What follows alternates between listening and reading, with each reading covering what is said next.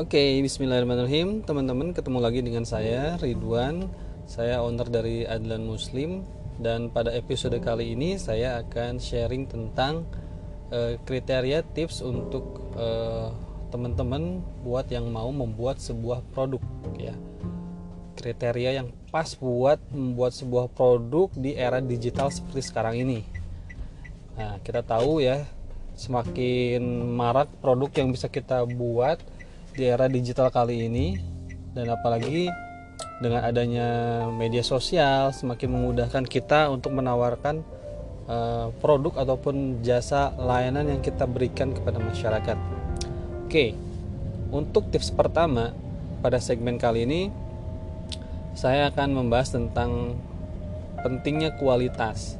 Teman-teman jangan pernah berkompromi dengan yang namanya kualitas ya jadi ini saya cerita tentang produk Adlan Muslim ya. Di Adlan Muslim itu saya sangat concern sekali menjaga kualitas.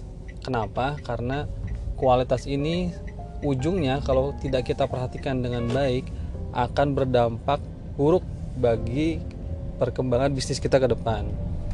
Bahkan pernah ada cerita teman saya yang bercerita bahwa gara-gara dia tidak memperhatikan kualitas, maka dia dianggap sebagai penipuan gitu. Bahkan pelanggannya saking komplainnya dia mau melaporkannya ke polisi gitu. Nah ini kan bahaya banget ya teman-teman. Dan untuk produk Adlan Muslim sendiri yang namanya kualitas itu saya utamakan sekali ya. Seperti mulai dari kualitas bahan, jangan sampai bahan yang kita berikan itu kualitas abal-abal gitu teman-teman. Jangan sampai yang kita janjikan tidak sesuai seperti kenyataan. Seperti juga untuk pemakaian foto di Instagram contohnya, jangan sampai kita buat contoh sedemikian rupa, sedemikian bagus di Instagram, tapi begitu barang sampai di rumah pelanggan, pelanggan komplain karena warna dan juga tampilan tidak seperti sebagus di Instagram. Nah, ini jangan sampai teman-teman. Dan juga untuk kualitas sablon ya, saya juga berani menjamin untuk produk Adlan Muslim itu sablonnya sangat kuat dan bahkan anti retak gitu meskipun sudah dicuci bertahun-tahun. Nah ini sesuatu yang karena saya yakin produk Adlan itu mampu untuk membuat sebuah eh, sablon yang sangat kuat maka kita juga berani untuk uh, menawarkan kepada pelanggan dan menjanjikan uh, sablon kami ini sangat kuat seperti itu.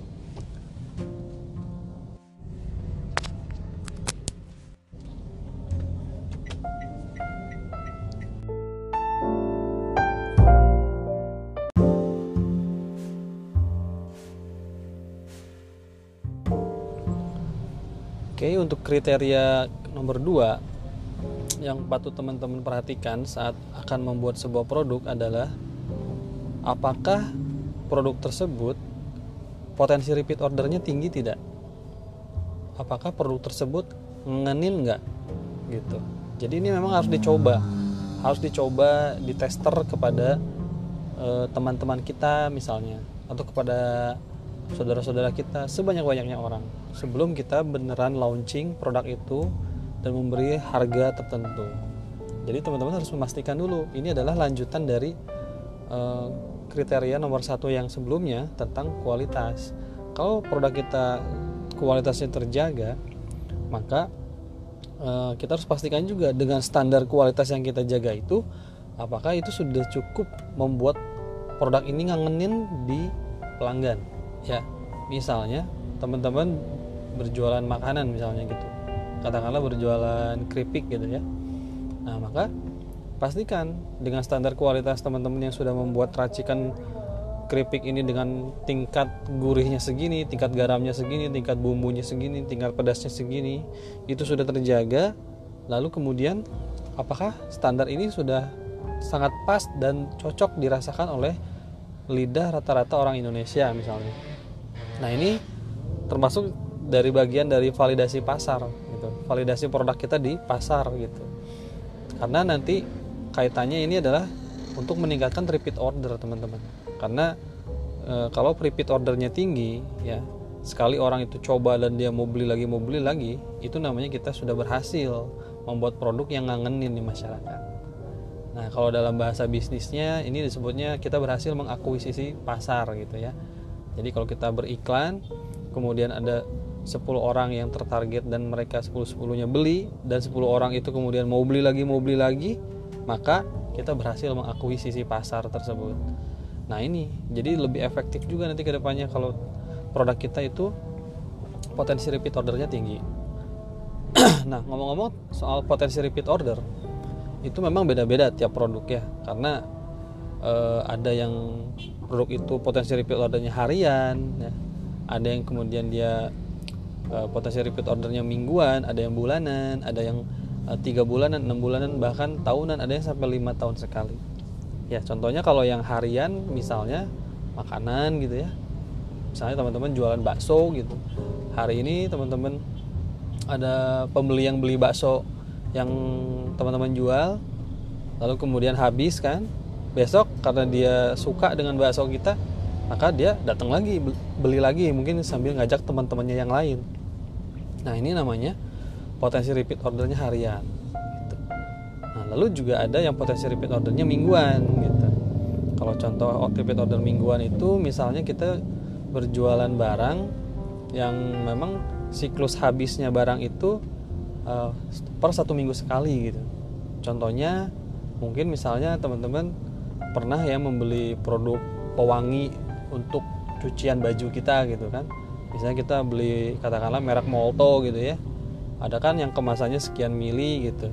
Sekian ratus mili. Nah, itu kan uh, misalnya teman-teman mencuci tiap hari pakai pewangi tiap hari nah itu habisnya boleh jadi selama seminggu gitu setelah satu minggu habis ya karena teman-teman udah merasa cocok dengan wanginya dengan kualitas baunya gitu maka di minggu ke, di minggu depannya teman-teman mau beli lagi nah contohnya seperti itu atau deterjen gitu ya atau mungkin contohnya aqua galon ya aqua galon itu repeat ordernya bisa mingguan. Karena seminggu sekali uh, galon yang pertama habis maka teman-teman mau beli lagi galon yang kedua. Nah, ini contoh produk atau barang yang repeat ordernya mingguan. Ada juga yang repeat ordernya bulanan.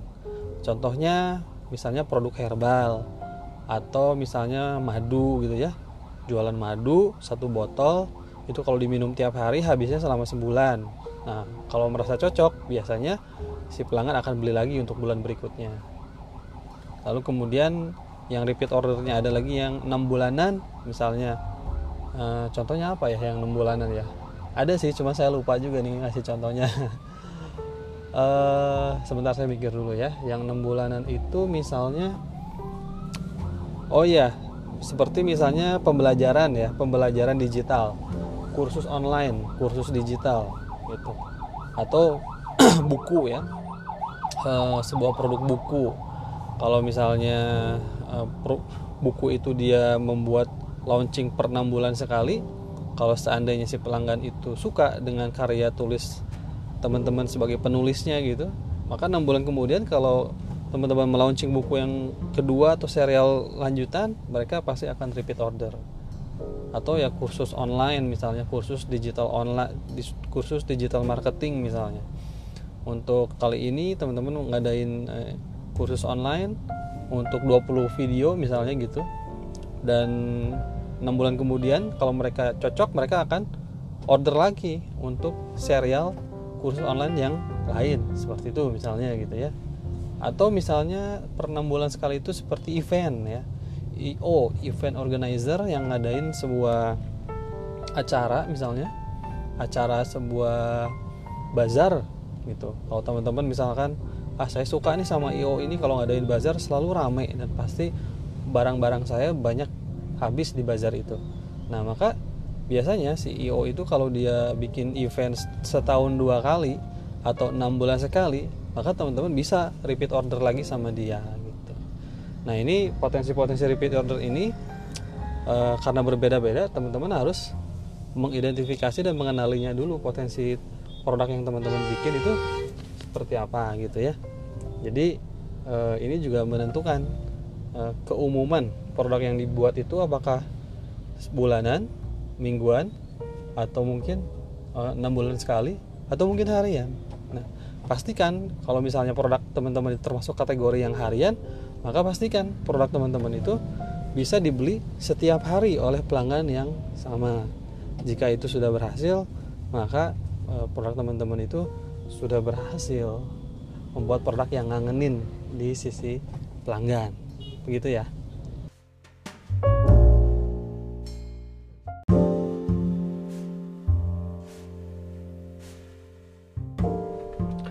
Oke, assalamualaikum warahmatullahi wabarakatuh. Kita ketemu lagi di lanjutan segmen ketiga ngomongin tentang uh, tips untuk membuat sebuah produk yang bisa diterima oleh pelanggan kita. Setelah kemarin kita berbicara tentang kualitas dan juga potensi repeat order, untuk segmen kali ini saya mau ngomongin tentang pentingnya profit. Nah, teman-teman, kalau mau berjualan sebuah produk ya, pastikan teman-teman itu memiliki potensi profit yang cukup besar. Artinya boleh jadi nanti harga yang kemudian ditawarkan oleh Anda kepada pasar itu sedikit lebih tinggi atau di atas rata-rata produk semisalnya ya. Nah, ini juga termasuk yang menjadi pedoman saya pada saat menciptakan sebuah produk di Adlan Muslim. Adlan Muslim termasuk t-shirt yang premium t-shirt ya. Jadi harganya pun lumayan uh, di atas rata-rata gitu di atas 100 ribuan. Jadi bukan uh, segmen kelas menengah ke bawah tapi lebih ke segmen menengah ke atas. Memang pada awalnya saya pun sedikit ragu ya wah kalau saya jual dengan harga seperti ini kira-kira laku nggak ya gitu. Di atas 100 ribu ya bahkan untuk harga normal pun saya jual dengan harga 150 ribu gitu. Tapi saya yakin karena saya memiliki sesuatu yang beda dengan tema desain yang tidak ada di tempat lain artinya hanya ada di tempat saya maka saya pun percaya diri untuk menawarkan dengan harga yang eh, 100 ribu sampai eh, 150 ribuan gitu. Nah sebetulnya pertimbangan utama saya kenapa eh, saya ingin di atas rata-rata karena dengan harga yang cukup tinggi atau dengan profit yang cukup tinggi kita memiliki kelebihan budget ya, atau profit yang tinggi itu bisa kita mainkan untuk kepentingan bisnis sendiri dan juga untuk uh, apa ya namanya untuk kita membuka promo-promo dan juga kerjasama gitu ya. Jadi kalau misalnya kita punya profit yang cukup besar dari harga produk kita uh, eh, 50% lah gitu ya. Jadi yang saya ngomongin profit besar itu minimal 50% teman-teman. 50% dari harga produk uh, harga produksi produk itu sendiri gitu. Jadi misalnya nih kalau teman-teman dapat apa menjual sebuah barang katakanlah harga barangnya itu dari tempat produksinya misalnya eh, 80.000 gitu ya atau 50.000 lah gitu. Berarti 50% profitnya itu adalah 25 25.000 gitu teman-teman. Nah gitu. Jadi minimal itu ya 50% eh, itu gitu kalau misalkan harga barang dari tempat produksi teman-teman misalnya 100 ribu ya berarti 50 nya adalah 50 ribu gitu. Nah itu minimal. Tapi kalau misalkan bisa lebih tinggi tentu lebih bagus teman-teman gitu.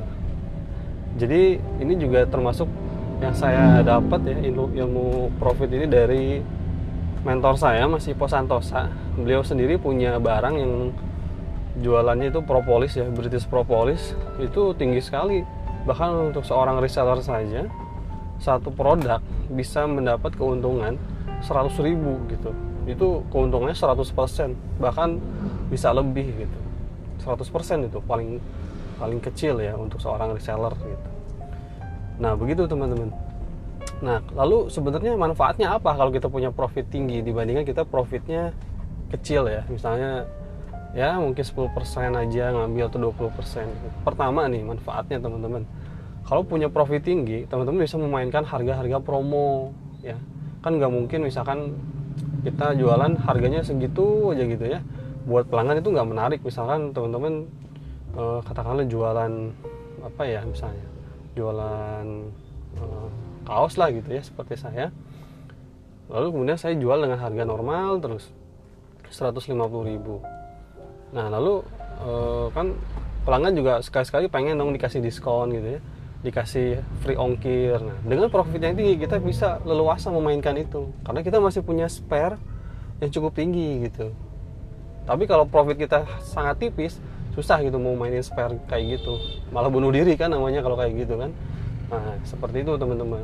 Pertama itu. Lalu kedua kalau misalnya teman-teman mau membuka peluang kerja sama reseller juga bisa dengan profit yang tinggi teman-teman tinggal bagi-bagi keuntungan aja gitu. Ya. Itu termasuk yang salah satunya ya strategi jualan buku dari Billionaire Store punyanya Kang Dewa Eka Prayoga itu luar biasa tuh satu buku bayangin aja teman-teman. Harga produksi buku itu boleh dibilang cukup murah lah di bawah 100 ribu. Katakanlah kisaran berapa ya? 60 ribu lah paling mahal gitu satu buku ya ini beliau jual dengan harga ratusan ribu ke atas teman-teman. Jadi bisa sampai paling murahnya itu 180 ribu gitu kalau nggak salah ya. Jadi 120 sampai 400 ribu juga ada gitu satu buku. Itu luar biasa itu. Nah itu kan berarti profitnya wah kenceng banget tinggi banget gitu. Satu buku kalau kejual uh, dari dibandingin dengan harga produksinya itu udah 500% lebih kayaknya gitu ya. Jadi berkali-kali lipat gitu nah dengan profit yang tinggi itu bayangin katakanlah satu buku 200 ribu aja gitu atau 300 ribu gitu uh, apa uh, profitnya. Itu 200 ribu dikasih buat reseller aja udah seneng banget reseller. Nah kita nggak dapat 100 ribu gitu misalnya sebagai pemilik buku gitu ya.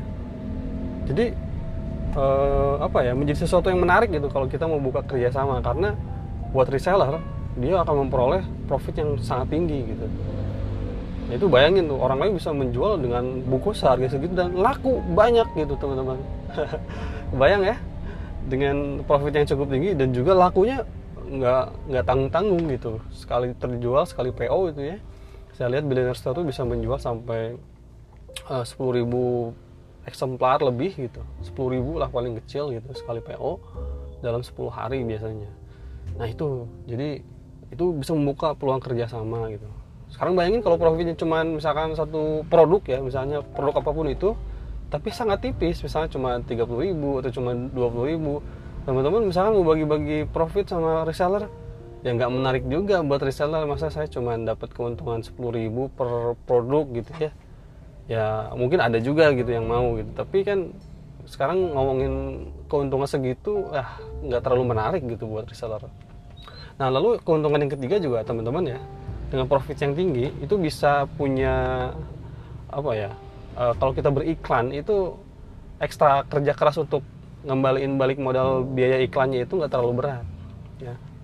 Jadi misalnya gini kalau teman-teman beriklan misalkan paid promote di media sosial gitu ya atau main e, Facebook Ads gitu kan ada budget yang mesti dikeluarin. Katakanlah budgetnya katakanlah 100 ribu gitu. Nah 100 ribu untuk e, apa biaya iklan sekali posting gitu Nah, sekali uh, untuk biaya iklan sekali posting itu uh, kalau teman-teman punya profitnya besar misalnya satu barang itu katakan 50.000 maka untuk menutupi biaya iklan 100.000 tadi uh, cukup menjual dua kali barang ya. Cukup menjual dua barang artinya 50.000 kali dua karena profitnya tadi 50.000 ya. Berarti cukup menjual dua kali dua barang aja itu udah bisa menutupi biaya iklan yang tadi dikeluarkan gitu. Nah maka kalau kita bisa dapat tiga barang atau lebih maka itulah keuntungan kita gitu. karena si biaya ininya biaya profitnya sudah ter, eh, biaya iklannya sudah tertutupi dengan penjualan dua barang saja. Nah gitu enaknya teman-teman. Jadi kita lebih santai gitu jualannya. Ya udah masa sih dari dari beriklan eh, seratus ribu dua barang aja nggak kejual? Kira-kira gitu kan ininya tantangannya gitu. Tapi bayangin kalau misalkan teman-teman jualannya dengan profit yang cukup rendah gitu. Misalnya profitnya cuma 20 ribu berarti minimal teman-teman harus kerja keras bagaimana caranya dengan biaya 100 ribu itu minimal menjual 5 barang gitu. Supaya si, si biaya iklannya itu balik modal dulu gitu. Nah seperti itu teman-teman jadi dua berbanding lima itu kan beda gitu. Ya, itu kan contoh kecil ya kalau marginnya hanya uh, apa sorry kalau biaya iklan 100 ribu gitu. Ini biar perhitungannya mudah aja. Sekarang bayangin kalau biaya iklannya 500 ribu kalau 1 juta kalau 2 juta kalau 3 juta. Tentu lebih besar lagi dong perbandingannya. Tadi aja eh, dua barang berbanding lima barang. Sekarang kalau misalkan eh, 10 kali lipatnya berarti 20 barang berbanding 50 barang. Tuh udah gede gitu ininya deviasinya gitu. Jadi itu juga sangat berpengaruh. Istilahnya teman-teman kerja kerasnya sama-sama capek tapi ini lebih capek lagi gitu kalau profitnya lebih kecil gitu. Jadi eh, di situ teman-teman eh, kelemahannya kalau kita berjualan dengan profit yang rendah gitu. Jadi tadi itu ya eh, apa namanya tiga tips keuntungan kenapa kita harus memiliki profit produk yang cukup besar. Oke kita lanjut lagi ke tips berikutnya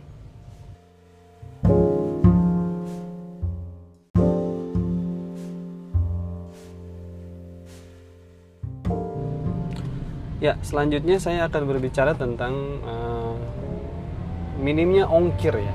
Jadi salah satu eh, apa namanya kriteria produk yang laris manis di zaman era digital sekarang ini, pastikan produknya memang bisa murah kalau dikirim, murah kalau dikirim-kirim ke seluruh kota di Indonesia maupun ke luar negeri gitu. Jadi yang penting nilai barangnya itu mahal, tapi apa sorry bukan mahal ya. Nilai barangnya itu tinggi gitu ya. Tapi e, secara biaya ongkir juga masih cukup terjangkau gitu. Masih cukup murah masih cukup bisa bersaing dengan produk-produk lain gitu. nah ini termasuk yang menarik gitu teman-teman. Jadi kalau misalkan satu kilo itu kan kita tarif ongkir kita e, bermacam-macam ya untuk masing-masing kota gitu. Kalau bisa satu kilo itu bisa mencakup beberapa barang gitu. jadi barangnya kalau bisa jangan yang gede-gede. Ini kalau mau ini ya bagus untuk distribusi ke mana-mana. Barangnya nggak gede-gede tapi nilai profitnya tinggi. Contohnya seperti jualan barang kosmetik. Wah kosmetik itu barangnya kecil-kecil seperti pensil alis gitu atau ya maskara gitulah. Ya saya sih nggak terlalu tahu gitu cuman ini bayangan saya gitu. Uh, saya lihat barang-barang kosmetik itu barangnya kecil-kecil gitu. Nggak ada yang oh, berarti sekilo gitu kan. Beda gitu sama jualan komoditi seperti beras atau sembako gitu. Udah mau profitnya kecil kalau mau didistribusiin juga uh, ongkirnya mahal-mahal gitu. Tapi kalau barang seperti contohnya kosmetik gitu harga satu barangnya aja lumayan tinggi gitu ya. Lumayan mahal. Potensi repeat ordernya tinggi juga dan biaya ongkirnya minim. Wah itu kan luar biasa tuh. Bahkan untuk satu kilonya saja ya bisa mengirim sampai 10 sampai 20 barang bisa jadi gitu kan. Karena barangnya kecil-kecil tadi itu. Tapi satu barangnya bernilai cukup tinggi. Nah ini termasuk yang memiliki daya saing produk seperti ini gitu ya. berbeda kalau teman-teman ya tadi misalkan jualan komoditi seperti sembako atau beras misalnya ya. Wah saya jualan beras nih kang gitu. Kira-kira bisa nggak dijual di online gitu? Ya susah kalau beras gitu kan. Karena dia nanti nggak akan bisa bersaing kalau misalnya pembelinya itu berada di luar kota gitu. Ya ada biaya ongkir yang sangat mahal dibandingkan harga si berasnya itu sendiri. Itu satu karung beras aja bisa bernilai 25 kilo gitu kan Wah, berarti kalau misalkan saya ngirim ke katakanlah jangan jauh-jauh lah Bandung Jakarta gitu atau Jakarta Bandung ongkirnya 20 eh 10 ribu gitu. Per kilo misalnya gitu ya. Tapi kan juga ada ya yang hitung hitungannya volume segala macam ini kalau asumsi saya dihitung per kilo ya berarti 10 ribu kali 25 berarti 250 ribu. Mahal banget gitu kan. Sementara harga satu karung berasnya mungkin cuma 60 sampai 70 ribu. Nah itu jadi sesuatu yang nggak menarik gitu kalau mau dibawa ke uh, bisnis di era digital ini gitu. Nah jadi pikirkan teman-teman bahwa kriteria terakhir adalah isi distribution. Jadi barang yang kita jual itu mudah untuk didistribusikan ya. Mau jualan apa pun itu. Kalau saya kan jualan t-shirt ya. T-shirt jelas murah juga gitu. Satu kilo bisa untuk 6 baju jadi sekali kirim 6 baju gitu masih bisa gitu. Jadi ongkirnya masih hemat. Kalau misalnya saya ngirim uh, ke Jakarta gitu ya berarti 6 baju itu masih terbilang murah. 10.000 bagi 6 kan jatuhnya ya mungkin kurang dari kurang dari 5.000 gitu uh, ininya apa biaya ongkirnya ya. Jadi sangat ini banget gitu sangat kompetitif gitu. atau misalnya jualan herbal seperti essential oil ya yang saya tahu dari produknya salah satu ini juga mentor saya juga Mas Dedi Santoso.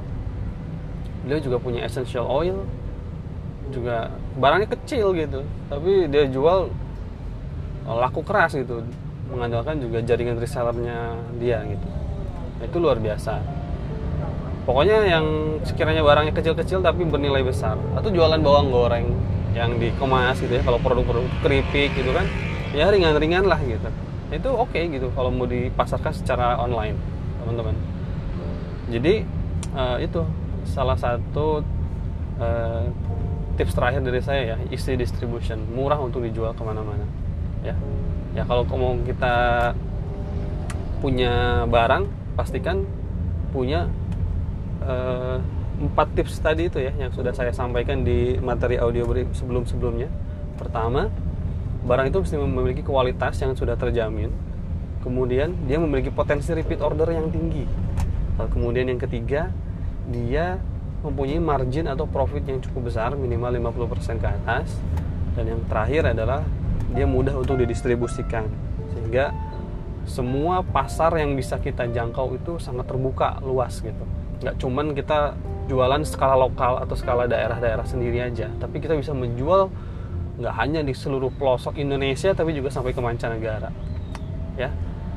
Oke, mungkin untuk episode kali ini saya cukupkan sekian, teman-teman. Silahkan kalau ada yang ingin bertanya, jangan lupa untuk uh, ngasih komen ya di grup ataupun di channel WA boleh japri ke saya. Atau mau ada yang nanyain lebih jauh tentang materi yang saya sampaikan silahkan. Saya senang sekali dan jangan lupa juga teman-teman untuk subscribe uh, episode di Google Podcast ini ya supaya nanti teman-teman gak ketinggalan update kalau saya mau uh, ada uh, mengupload materi podcast yang terbaru oke sekian dari saya jangan lupa bersyukur Semoga bermanfaat. Assalamualaikum warahmatullahi wabarakatuh.